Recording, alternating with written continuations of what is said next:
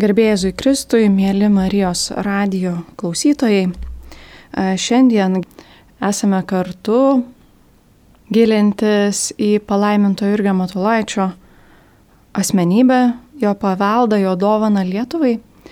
Taip pat labai raginame tuos, kurie patirėte malonės per palaiminto Jurgio užtarimą, taip pat dalinti šią žinią su visais ir rašyti savo liudijimus Marijampolės Arkangelo Mykolo parapijos klebonui. Ta galima padaryti elektroniniu paštu, susiradus internete e, adresą arba paprastu paštu para, į parapiją, tai yra Bendoriaus gatvė 3 Marijampolė.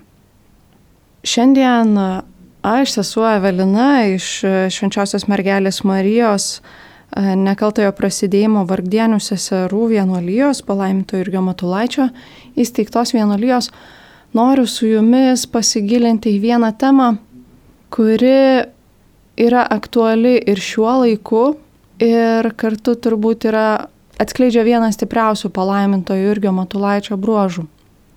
Jo litanijoje vienas kreipinys, kuriuo kreipiamas į jį prašant užtarimo, skamba taip – romusis žmonių ir tautų taikintojau. Melski už mus. Taigi, palaimintasis Jurgis yra pristatomas mums kaip romusis žmonių ir tautų taikintojas. Ir į šią temą kviečiu pasigilinti. Čia šiandien studijoje prieš mane guli išrikiuotos keturios knygos, kuriomis remsiuosi ir kuriomis dalinsiuosi su jumis, nes iš tiesų tai, ką pasakosiu, nėra tai, ką pati sugalvoju, bet pirmiausiai tai yra paties Jurgio Matulaičio gyvenimo liudijimas, e, jo amžininkų liudijimai apie jį, kurie atskleidžia mums jo būdą ir jo vaidmenį jo gyvenamojoje epochoje. Ir taip pat e, šventieji yra dovana mums, kurie gyvename po jų ir jų dovana niekada nepasibaigia, jos galiojimas niekada nepasibaigia, jinai lieka aktuali kiekvienu laikotarpiu ir man regis šis laikas, kurį dabar gyvename Lietuvoje, Europoje ir pasaulyje, su tiek daug susipriešinimo, su tiek daug idėjų konkurencijos, bandymų pasakyti, kurios idėjos svarbesnės, kurios mažiau svarbios, šis palaiminto Jurgio Matulaičio bruožas gebėjimas taikinti žmonės ir tautas iškyla kaip ypač aktualus. Taigi, pirmiausiai noriu pradėti nuo tokio istorinio konteksto, į kokią istoriją, į kokį laikotarpį Jurgis Matulaitis ateina. Ne, kaip žinote, jis gimė 1871 metais. Taigi tai yra e, 10 metų nuo 61-63 metų sukilimo pradžios, 8 metai nuo jo pabaigos. Koksgi buvo šio sukilimo rezultatas? Rezultatas buvo toks, kad buvo uždrausta spauda lietuvių kalba. Taigi palaimintas Jurgis Matulaitis gimsta ir auga Lietuvoje, kurioje yra uždrausta vartoti lietuviškus rašmenis, yra stengiamasi rusifikuoti tautą, yra stiprus knygnešių judėjimas, yra e, stiprus toksai pogrindinis, tarkim, lietuvybės išsaugojimo judėjimas, tikrai samoningumo žmonių siekiančių išlaikyti savo kalbą ir tautybę buvo didžiulis. Ir Jurgis Matulaitis savo laiku taip pat dalyvauja šiame lietuvybės branginimo judėjime ir puoselėjime. Kaip? Pirmiausiai e, kviečiu pažvelgti į e, knygą, kurią parašė kunigas Stasys Ila. Tai yra turbūt viena smagiausiai skaitomų Jurgio Matulaičio biografijų, paprastai prieinamai ir maloniai parašyta kartu atskleidžianti didžiulį gilį jo asmenybės. Taigi, Stasys Ila savo knygoje sudeda labai daug prisiminimų apie Jurgį Matulaitį. Ir štai vieni pirmųjų jų, ir būtent apie lietuvybę, tai yra Vinco Šlekio pasidalinimas apie Jurgio Matulaičio veiklą lietuvybės baruose. Taigi, Jurgis Matulaitis e, nuo 1895 metų jau studijavo Petrapilyje. Taigi e, mokosi Rusijoje, Peterburgė, tačiau kaip Rusijos miestas, tam tikrą prasme jis buvo laisvesnis nuo tokio stebėjimo palyginus su tuo, kas vyko Lietuvoje ir Lenkijoje. Tačiau ir ten e, Jurgio būtas buvo iškrėstas, buvo atlikta krata, nes buvo ieškoma būtent tų jo lietuvybės veiklos ženklų. Ir tai buvo rasta popierių parašytų tikrintojams nepažįstama kalba, tačiau tuo metu seminarijos e, inspektorius pasakė, kad tai yra raštai latinių kalba, o kadangi kareiviai nelabai suprato, kokios ten kalbos iš tiesų, tai tą kartą pavyko išvengti. Bet Jurgis Matulaitis jau tuo metu rašė įvairius straipsnelius į skirtingus pogrindinius slaptus laikraštėlius ir ne tik rašė straipsnius, iš tiesų tai buvo daug tokio asmeninio domėjimosi. Tai štai Vincas Šlekys rašo, atostogas mūdu praleisdavome beveik nesiskirdami. Jis persirašė mano retesnių žodžių surinktą žodinėlį, aš persirašiau jo žodinėlį. Svajojame apie spaudos atgavimą, skaitėme vienas kitam pasiskolindami knygas. Tai yra Šlekio atsiminimai iš šaltinio 1935 metais. Taigi, iš tiesų, ta Jurgio istorija tokia paini yra, ar ne? Būdamas našlaitis gyveno su broliu, jau svajojo apie kunigystę, tačiau jo brolis nelabai norėjo apie tai girdėti. Ir tuomet dėdė atvykęs iš Kelcų, pamatęs Jurgio galimybės ir Jurgio norus, broliui neprieštaraujant, pasiima jį su savimi į Kelsus, taigi jau į Lenkiją. E, šiaip seminarija buvo Seinuose, kuri būtų buvus daug arčiau ir būtent Seinų seminarijoje lietuvių klerikai labai stipriai veikia lietuvybės linkme. Bet Jurgis Matulaitis studijavo Keltuose daug labiau Lenkijos viduryje, taigi savo lietuviškąją gal ne tapatybę, bet būtent veikimą jisai puoselėdavo vasaros metu, kai susitikdavo su kitais savo bičiuliais, kurie e, Seinuose studijavo, kurie e, kitais dalykais užsiminėjo, bet būtent tome lietuvybės bare. Taigi, iš vienos pusės lietuvis studijuoja Lenkijoje, tuomet tenais uh, pasižymėjęs tikrai e, gerais mokslo pasiekimais, siunčiamas į Petrapilį, į Dvasinę akademiją mokytis, taigi e, tikrai vėl dar arčiau Rusijos širdies, bet e, labai lietuviškame židinyje, labai tokiame, galima sakyti, proeuropietiškame židinyje, tokia būtent tuo metu buvo Petrapilio Dvasinė akademija. Ir vienas tokių ypatingų dalykų e, studijuojant Petrapilyje, kaip jau minėjau, Jurgis Matulaitis rašydavo tekstus e, į lietuviškus laikraščius, e, leidinius. Ir vienas iš tokių garsiausių, kuris paskui buvo perspausdintas penkeletą kartų, buvo jo tekstas, kuris vadinosi Keli žodžiai mūsų kunigėliams. Grįžtant prie istorinio konteksto, kuriame gyveno Matulaitis, Tai buvo didžiųjų imperijų griuvimo laikotarpis, ar ne? Iki 20-ojo amžiaus pradžios Europa vis skirtingom sudėtim būdavo suskirstyta į tokias galingas imperijas, kurios rėmėsi ne tautiniu pagrindu, o rėmėsi gale. Imperijos, kuris užgrobdavo savo teritorijas, tiesiog sudarė va taip savo, savo galybės. Ir štai ta 20 amžiaus pradžia, 19 amžiaus pabaiga yra žmonių tautiškumo prabudimo laikotarpis labai stiprus.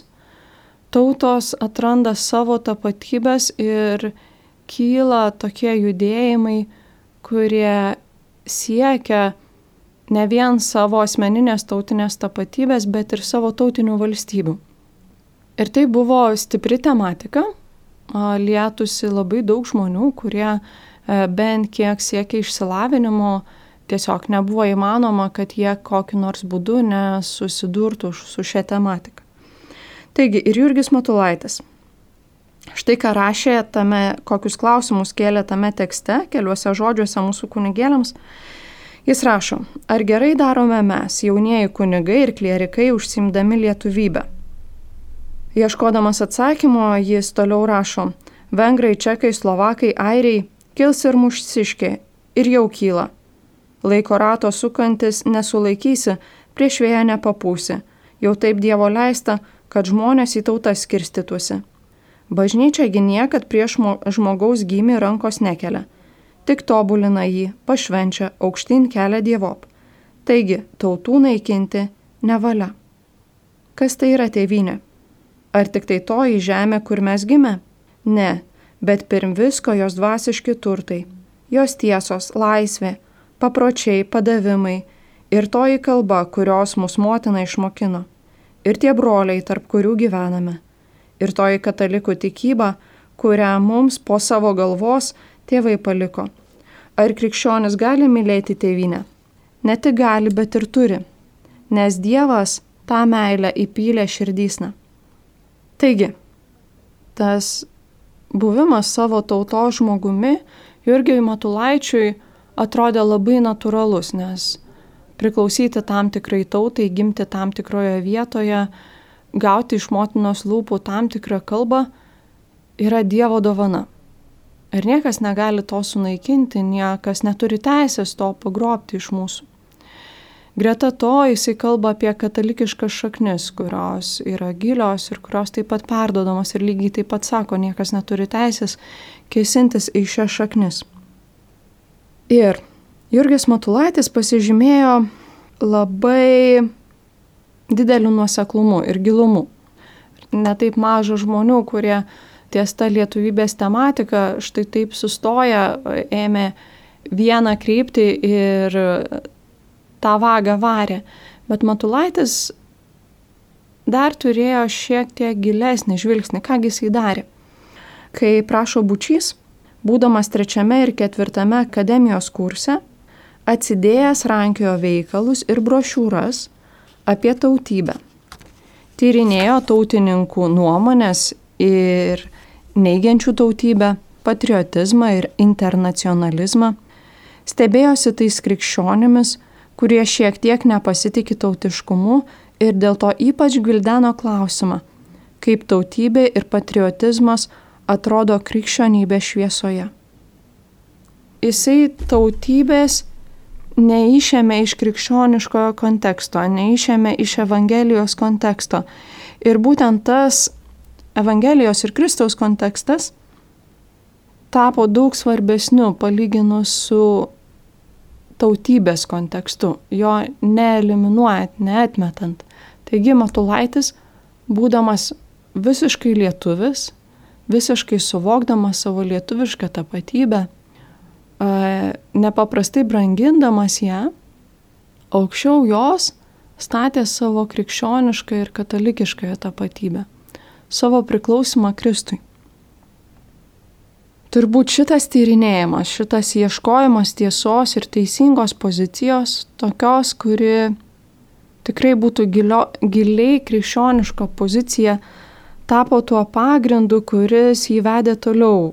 Sakyčiau, jog ir ne vien sakyčiau, bet tą liudyja gili patirtis krikščioniško gyvenimo, kad e, Dievas per mūsų istorijas ruošia mums ruošia mus toms užduotims, kurioms pakviečia. Ir kaip žinia, didžioji palaiminto Jurgio Matulaičio užduotis, kuri jo laukia ir kuri tikrai tampa tokia kertinė jo gyvenime, tai yra buvimas Vilniaus vyskupu. Prieš šį paskirimą jis atnaujina Marijono vienuolyje.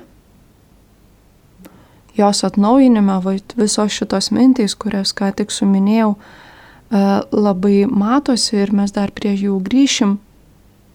Bet dabar e, sustojus ties Jurgio Matulaičio asmenybę ir jam skirtomis užduotimis, galima pažvelgti į va tą Vilniaus vyskupo skirimo laikotarpį. Istoriniu požiūriu tikrai labai sudėtingas etapas. Tai yra 1918 metai, pirmo pasaulinio karo pabaiga. Per Lietuvą ėjo fronto linijos, keitėsi valdžios, Vilniaus vyskupo skyrimu rūpinasi Lietuvos, Vokietijos ir Lenkijos valdžios. Um, siekiama daryti įtaką tam sprendimui, kurį darys popiežius, paskirdamas Vilniaus vyskupų. Ir dabar į mano rankas ateina Tadeušo Gurskio knyga Marijono, vėlgi biografinė knyga apie palaimintą Jurgį, labai išsami, mokslinė, bet istoriniu požiūriu tikrai nepriekaištinga ir suteikianti mums labai įdomių išvalgų, vad būtent iš, iš šiuos sudėtinguosius laikotarpius Jurgio Matulaičio paskirimo vyskupų. Ir visa antra šios knygos dalis yra skirta būtent palaimintojo Jurgio kaip Vilniaus vyskupo istorijai. Jurgis Matulaitis vyskupu buvo konsekruotas Kauno arkikatedroje gruodžio 1 dieną 1918 metais, o gruodžio 8 dieną jis įžengė į savo sostą Vilniuje. Laikotarpis prieš skirimą tikrai buvo intensyvus, buvo labai sunku pasirinkimą turėjo daryti popiežius, buvo minimos įvairios kandidatūros ir būtent šitas tautybių klausimas buvo pats svarbiausias ieškant tinkamo kandidato į, vyskupas, į vyskupus šioje teritorijoje. E, surašymų duomenimis e, Vilniaus arkivyskupijoje, Vilniaus metropolijoje tuo metu gyveno virš 3 milijonų žmonių. Panašiai, iš tiesų panašiai, net ne didžioji dalis, o po lygiai e, toje metropolijoje buvo katalikų ir stačiatikių. E, tautybės požiūrių beveik pusė gyventojų nurodė, kad jų gimtoji kalba yra gudų kalba. Toliau apylygiai buvo lenkų ir lietuvių kalbas nurodančių kaip savo gimtasis. Taigi e, tautų ir tikybų katilas yra toji Vilniaus arkivyskupija. Ir čia reikia žmogaus, kuris sugebėtų atstovauti visoms tautoms, kalbėti visoms tautoms, būti visoms tautoms. Ir visose tose sudėtingose peripetijose, darybose, apie kurias galima perskaityti šitoj mano minėtoje tėvo Gurskio knygoje, mes randame tokį vieną liudijimą kunigo Henriko Pšesdėckio, kuris palaimintą Jurgį Matulaitį pažinojo nuo Petrapilio akademijos laikų. Šis liudijimas turbūt vienas iš tų, kurie galutinai padėjo popiežiui apsispręsti ir kartu visoms toms konkuruojančioms valdžioms - lietuvių, lenkų ir vokiečių - sutikti su šiuo skirimu. Taigi, Pšedzeckis liudyja. Kunigas Jurgis Matulevičius, Marijonų vienolyjos generalinis vyresnysis, yra lietuvių tautybės. Jis brangus lietuviams ir gerai vertinamas lenkų. Tai išskirtinio pamaldumo kunigas, nepaprastai išmintingas ir romus žmogus Sužinojęs, jog daug kas nori jį matyti Vilniaus vyskupo sostę, jis darė ir dar tebe daro viską, kad tik nebūtų paskirtas vyskupu. Ta kunigo Jurgio Matula, Matulevičiaus pasipriešinimą gali palaužti vien tik šventojo tėvo duotas klusnumo vardan įsakymas. Sunkiomis aplinkybėmis kuriomis dabar gyvena daugybės prieštaravimų draskoma Vilniaus vyskupija? Šis kunigas, kurio šūkis yra sielų išganimas visiems tapus viskuo, vertas būti pašauktas, kad atvestų į protą Vilniaus dvasininkiją ir vyskupijos tikinčiuosius sujungtų krikščionišką meilę. Taigi Jurgija Matulaitėje matomas asmo, kuriam virš visko yra vienybė krikščioniškoje meilėje, kuriam virš visko yra tarnavimas Kristui tapus visiems viskuo. Ir tai turbūt raktas mums suvokti, kokiu būdu Jurgis Matulaitis galėjo būti tuo romiuoju žmonių ir tautų taikintoju. Tai buvo įmanoma dėl to, kad pirmiausiai jis buvo Kristaus žmogus. Tai buvo įmanoma dėl to, kad pirmiausiai jisai ieškojo būdų, kaip geriausiai tarnauti Kristui ir jo karalyjei žemėje, tai yra bažnyčiai. Ir dabar atsiveršiu palaiminto Jurgio Matulaičio užrašus. Iš tiesų, žvelgiant į žmogų nėra geresnio šaltinio kaip tas jo paties rašyti žodžiai, ypač kai jie sutampa su gyvenimu.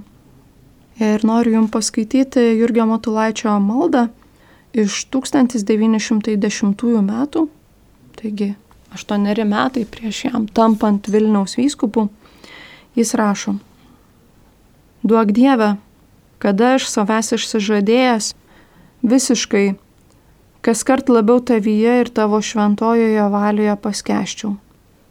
Jaučiu gerai, kad tik tada žmogus tikrą Dievo sunuliuosybę įgyji, kada išsinėręs iš savimėlės kailio apsisiauti Kristaus dvasios ir malonės rūbų. Kada savęs ir šio pasaulio ir piktos dvasios tikrai išsižadėjęs, pradedi įeiti, įsigilinti į viešpati Dievą kada savo sugedusi kūną ir šio pasaulio ankštutėlę guštelę dvasia apleidęs, apsigyveni aukščiausiojo būstuose. Kaip tada pasidaro protas aiškus? Laisva dvasia, širdis plati ir atvira. Tada tik iš tikrųjų pradedi jausti, kad visi žmonės broliai, o žmonija tai tik viena šeimyna. Ir pradedi savo karštą širdimi visus apglopti visus prie savo širdies imi maloniai glausti. Įmanytum visą kraują po šlakelį atiduoti, kad tik tuos savo brolius, tą Dievo šeiminėlę prie Dievo atvedus, prie bažnyčios, kad sukristumi juos suvienijus. Kada Dievo meilė į mūsų širdį įžengusi ją praplečia, tada joje taip erdva pasidaro, kad visi žmonės be jokių skirtumų ar tai luomų ar tautos į ją sutelpa. Kuomet žmogaus siela šventosios dvasios pagauta pakyla ir nuskrieja į tas aukštybės, kur švenčiausioji trejybė savo amžinumoje neapsakoma, neišreiškiama, begalinė garbė spindi šviečia. Ir kuomet nuo tų aukštybių apmetė paskui akimi šį pasaulį, kaip jis išrodo menkutis mažas. Iš to amžinumos aukštybių į šį pasaulį žvelgdamas, išmoksti kaip pridara įvertinti kiekvieną šio žemės daiktą ir kiekvieną savo vietoje pastatyti. Išmoksti daiktais kaip po įrankiais naudotis dėl didesnės Dievo garbės. Duok Dieve, kad į viską žiūrėčiau nuo amžinumos aukštybių ir viską amžinumos varščiais sverčiau Taigi, Jurgio Matulaičio esminė nuostata, esminė kryptis, esminis požiūris yra į žmogų, į įvykį, į aplinkybės, į viską, kas vyksta, žvelgti iš Dievo perspektyvos, iš Dievo žvilgsnio. Ir iš tiesų, iš palaiminto Jurgio Matulaičio net ir šios maldos matom, jog vien grinomis žmogaus pastangomis tai nėra įmanoma. Jurgis e, kelis kartus sako, kalba apie žmogaus sielą šventos dvasios pagautą. apie tai, kad e, Dievo meilė į mūsų širdį įžengusi ją praplečia. Ne vienas mes negalime vien savo pastangomis kažkaip imti ir tą savo širdį išplėsti, to savo širdies palapinės kuoliukus, tolėliau pastatyti, kad daugiau jie tilptų, kad daugiau jie apimtų, kad atviresnė būtų. Ne, tam reikia Dievo malonės. Kaip ta malonė gaunama, Jurgio Matulaičio gyvenimas tą aiškiai liudyja. Per susitikimą su Dievo žodžiu, per buvimą su juo, per troškimą vienytis su Dievu, per troškimą mylėti Dievą, Dievas atsiliepia. Dievas dosnus, Dievas padaro visus savo šimtą procentų mūsų atžvilgių, kai tik mes padarome menkiausią žingsnelį link jo. Taigi, kai išgyvename patys tiek daug susipriešinimo klausimo dėl tiesos, dėl teisingumo, dėl vertybių, pirmasis mūsų žingsnis turėtų būti dar gilesnio susitikimo su Dievu siekimas. Dar didesnės vienybės su Dievu siekimas. Kad visi mūsų sprendimai, kad visi mūsų troškimai, kad e, visi mūsų veiksmai kiltų būtent iš šio šaltinio, iš vienybės su Dievu. Ir iš tiesų ta vienybė su Dievu Jurgio Matulaičio e, nepaliko vien koplyčioje, nepaliko vien savyje e, užsidariusio. Iš tiesų vienybė su Dievu jį vedė į žmonės. Vienybė su o, Dievu įsižiūrėjimas į Kristų jį vedė į veiklą. Ir e, jis savo dienoraštį taip pat rašė daug nuorodų tokių, kurias turėjo mintį perduoti savo naujinamoms ir kuriamoms vienuolijoms. Taigi, 11 e, metais, 1911 metais jis rašo, mes nesame pasiketinę atsiskirti visiškai ir užsidaryti nuo žmonių apsitverti aukštomis sienomis, įsivilgdinti į kokius nors ypatingus rūbus, vien tik maldai pasišvesti.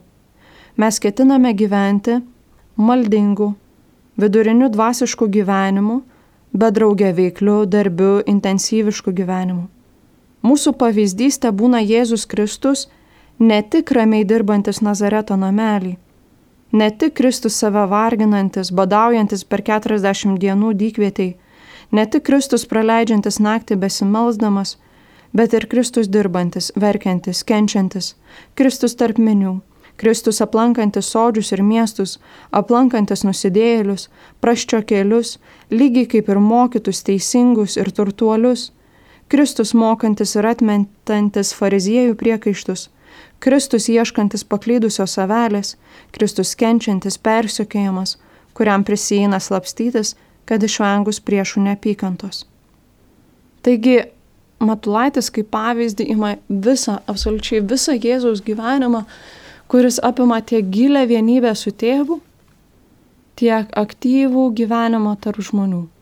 Evangelijos skelbimą ir tokį skelbimą, kuris apima ir švelnų mokymą, ir ginčiamasi, ir gydimą, ir savo paties kančią jam ne tas pats, kas vyksta visuomenėje ir būdamas Vilniaus vyskupu, jis turi daryti sprendimus. Jau minėjau, kad ypatingai sudėtingas buvo jo ingresas į Vilniaus vyskupo. Taigi 1918 metai gruodžio 8 diena ir ingresą organizavo uh, Vilniaus arkiviskupijos kapitula. Tai yra toks uh, arkiviskupijos darinys, susidedantis iš kunigų, kurie vat, sprendė, kokia įga ten bus tas visas ingresas, ka, kokios šalys politinės jį bus pakvietustos, kokia įga jos sveikins ir taip toliau. Ir įtampos ten buvo labai daug. Ypač kas link lietuvių, Lietuvos tarybos dalyvavimo tenais, nes kapitulą daugiausiai sudarė Lenkai ir atstovavo tiems interesams. Ir Jurgiojui Matulaičiui tikrai ten reikėjo saliamoniškų sprendimų, tačiau organizavimą jis tikrai paliko kapitulai, visiškai atsidavė toj vietoj, tačiau kai reikėjo, kalbėjo griežtai. Aiškiai pasakė savo poziciją, jog Lietuvos taryba turi būti įleista į ingresą. Kodėl? Nes jinai yra šiuo metu civilinė valdžia ir jiems dera teikti pirmą vietą. Kai kapitulos kunigas pasiūlė tarybą priimti kur nors ten atskiram kambarėlėje su jais e, pasikalbėti, Jurgis Matulaitis rašo, pasakiau, kad geriau visiškai nepriimti negu žmonės niekinti. Galiausiai ten buvo daug nesusipratimų, kad tikrai taryba nedalyvavo nei ingrese, nei prieimime po to ir paskui pateikė interpeliaciją, o kaipgi čia viskas vyko. Tikrai tai buvo galvos skausmo laikotarpis Jurgiui Matulaičiui. Ir čia ir paskui, kai buvo paštalinis vizitatorius Kaune, Jurgio Matulaičio receptas šių situacijų sprendimas buvo toks. Meldžiausi, pasninkavau ir kalbėjausi. Meldžiausi, pasninkavau ir kalbėjausi. Trys dalykai. Kad galėtume išvengti prievartos bet kokios, manipulacijos bet kokios, kad e, gyventume taip, kaip Kristus to nori, kad elgtumės taip, kaip Kristus to nori.